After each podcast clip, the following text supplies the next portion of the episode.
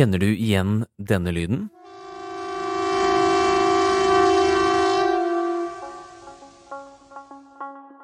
Dette er lyden av den såkalte flyalarmen, og den har ult hver andre onsdag i januar og i juni i mange, mange år. Men denne onsdagen hører vi også en annen lyd.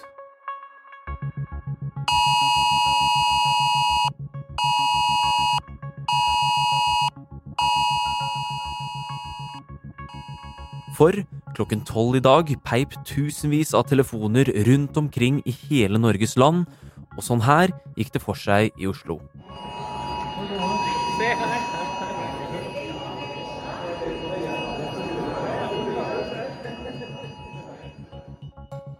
Hva skal vi gjøre den dagen det ikke er en test?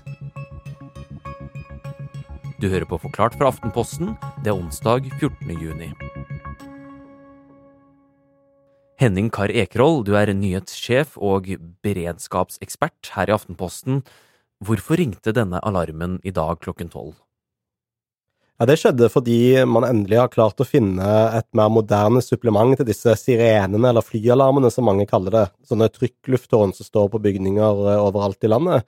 Og Målet med dette er jo at de 2,2 millioner menneskene som ikke hører disse gamle sirenene, nå skal få en mulighet til å bli varsla gjennom mobiltelefonene, og selvfølgelig folk som befinner seg steder der det er vanskelig å høre disse Uh, midlertidig f.eks. i en tunnel eller andre steder der det er vanskelig å få med seg denne type sirenelyder. Så får man da dette varselet på mobilen i stedet for. Så disse flyalarmene har ikke nådd ut til alle, så derfor må noe erstatte dem? Ja, så er det jo klart at det er jo en gammel, gammel teknologi. Disse tyfonene, som de kalles, har jo blitt brukt siden det som kaller den kalde krigen. Uh, men det er teknologi som baserer seg på riktignok godt utprøvd eh, analog funksjonalitet, men i en moderne tid der alle har en mobiltelefon, så er jo dette en veldig effektiv måte å varsle på. Men Henning, eh, den alarmen som gikk eh, klokken tolv på telefonen i dag, når den alle? Den når jo i alle fall alle som har en relativt moderne mobiltelefon eller en annen dings med 4G eller 5G-dekning, og det er jo veldig mange mennesker i Norge. Hvordan fungerer det da? Ja, dette er ikke ny teknologi. Den har vært i bruk i bl.a. USA i mange mange år. Det kalles den Amber Alerts. Eh, og eh, i Norge så har dette vært utreda i alle fall siden 2017. Eh, og det har vært litt frem og tilbake, men nå har man altså endelig kommet i mål. Sånn det fungerer, er at alle mobiltelefoner som er tilkobla en basestasjon, altså en sånn mobilmast eller sender et eller annet sted i, i nærheten, Eh, vil motta dette signalet hvis den har en relativt eh, moderne eh, oppdatering. Så Det betyr at hvis det er en gammel telefon, så kan det hende du må oppdatere den for at dette skal fungere. Den alarmen som gikk, det, det er jo en test. Hvordan vet man at den fungerer, da?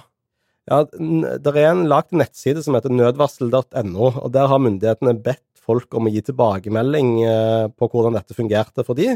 Så det er jo en mulighet. Det er litt begrensa med eh, hvilke muligheter myndighetene har for å se hvem som har mottatt disse varslene. Hva slags situasjoner er det en slik alarm er laget for? Den er laget for eh, i utgangspunktet alle typer krisesituasjoner hvor det er viktig at folk får beskjed om ting eh, med en gang. Det kan være store katastrofer, utslipp av giftige gasser, store branner. Ehm, eller selvfølgelig en, en krigssituasjon, det som jeg egentlig bare kaller en flyalarm. Det er ikke så ofte man har trengt denne alarmen, sånn på ordentlig i hvert fall. Men hvis du befant deg i Lillestrøm den 5. april i år 2000, så kunne du tidlig om morgenen høre denne her.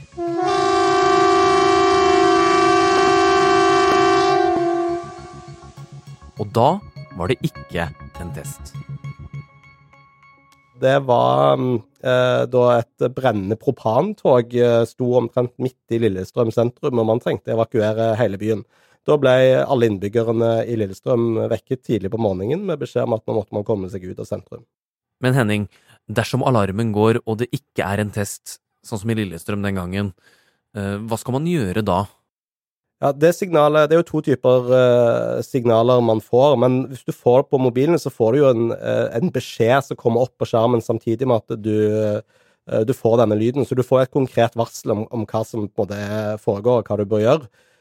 Denne lyden som man pleier å teste, den har jo i utgangspunktet budskapet 'oppsøk informasjon'. Før så het det 'viktig melding, lytt på radio', men nå kan man jo bruke mange informasjonskilder utover det. Internett har jo eksistert noen år allerede. Så, så budskapet fra myndighetene når denne her gamle typen eh, flyalarm eller tyfon gikk, var at man skulle rett og slett søke informasjon fra f.eks. mediene. Så du skal ikke gå rett i et tilfluktsrom hvis alarmen ringer? Nei, det er klart hvis det f.eks.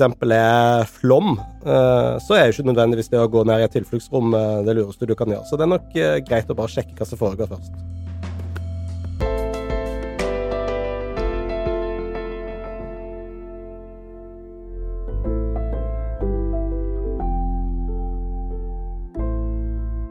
Du har nå hørt en kort forklart fra Aftenposten i dag om hvorfor telefonen din plutselig begynte å pipe. Lyden du har hørt er hentet fra Aftenpostens journalister, tatt opp i Oslos gater, og lyden av flyalarmene er hentet fra nettsiden til Sivilforsvaret. Produsent har vært Jenny Førland, og mitt navn er Philip A. Johannesborg.